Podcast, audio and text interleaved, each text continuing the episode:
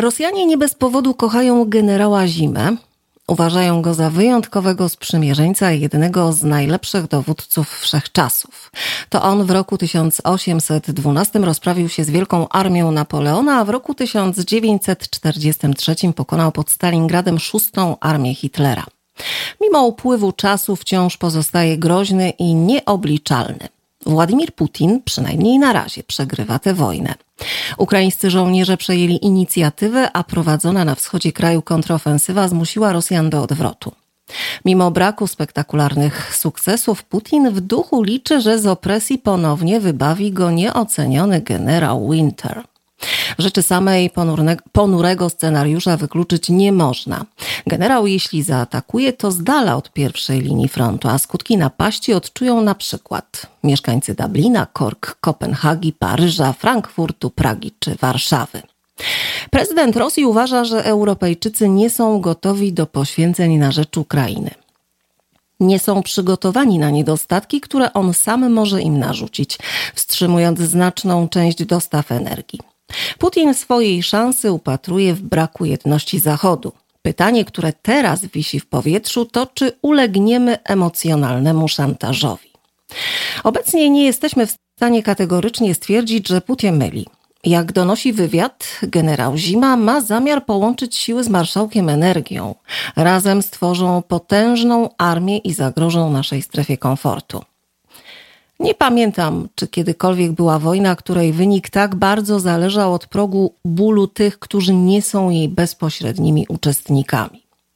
Ukraina, drodzy Państwo, nie ma szans wygrać bez militarnego i finansowego wsparcia ze strony demokratycznego świata.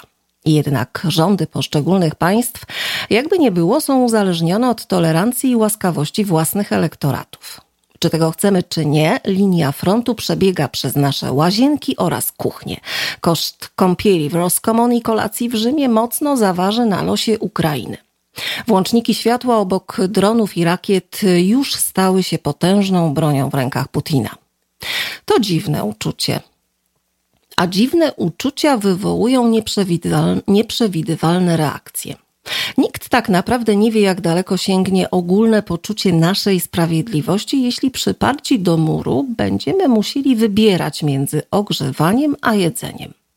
Jak to będzie, kiedy rządy staną oko w oko z rozwścieczonym i zdesperowanym tłumem, a w tym samym czasie Putin da im do zrozumienia, że jeśli zmuszą Ukrainę do ustępstw, to on znajdzie sposób na odkręcenie kurka z tanim gazem.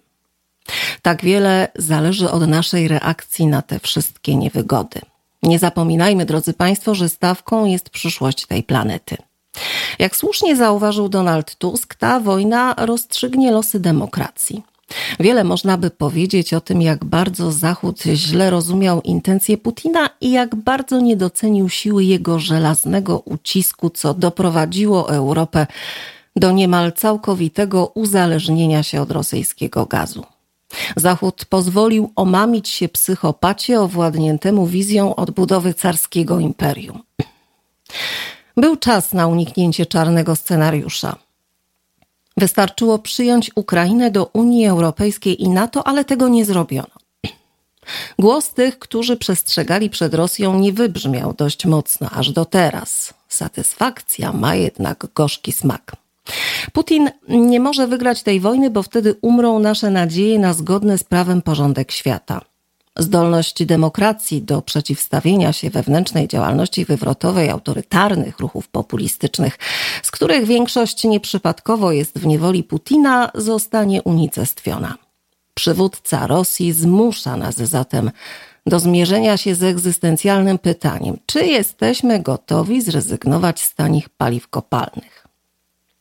To nie jest abstrakcyjne pytanie, zwłaszcza kiedy obserwujemy polityczną sytuację we Włoszech, jednym z państw założycielskich Unii Europejskiej. Na przestrzeni ostatnich lat kraj ten poczynił ogromne postępy w uniezależnieniu się od rosyjskiego gazu, ale wkrótce ma zostać wyłoniony popierający Putina rząd skrajnej prawicy. A to wzmocni przekonanie tyrana, że nawet jeśli straci Ukrainę, wciąż może wygrać polityczną bitwę w Europie Zachodniej. Nastawienie do wojny w Ukrainie jest teraz kształtowane przez pryzmat lokalnych społeczności i tego, jak postrzegają obecność ukraińskich uchodźców. Początkowy entuzjazm niestety osłabł, a potrzeba zaangażowania się w pomoc znacząco wydłużyła.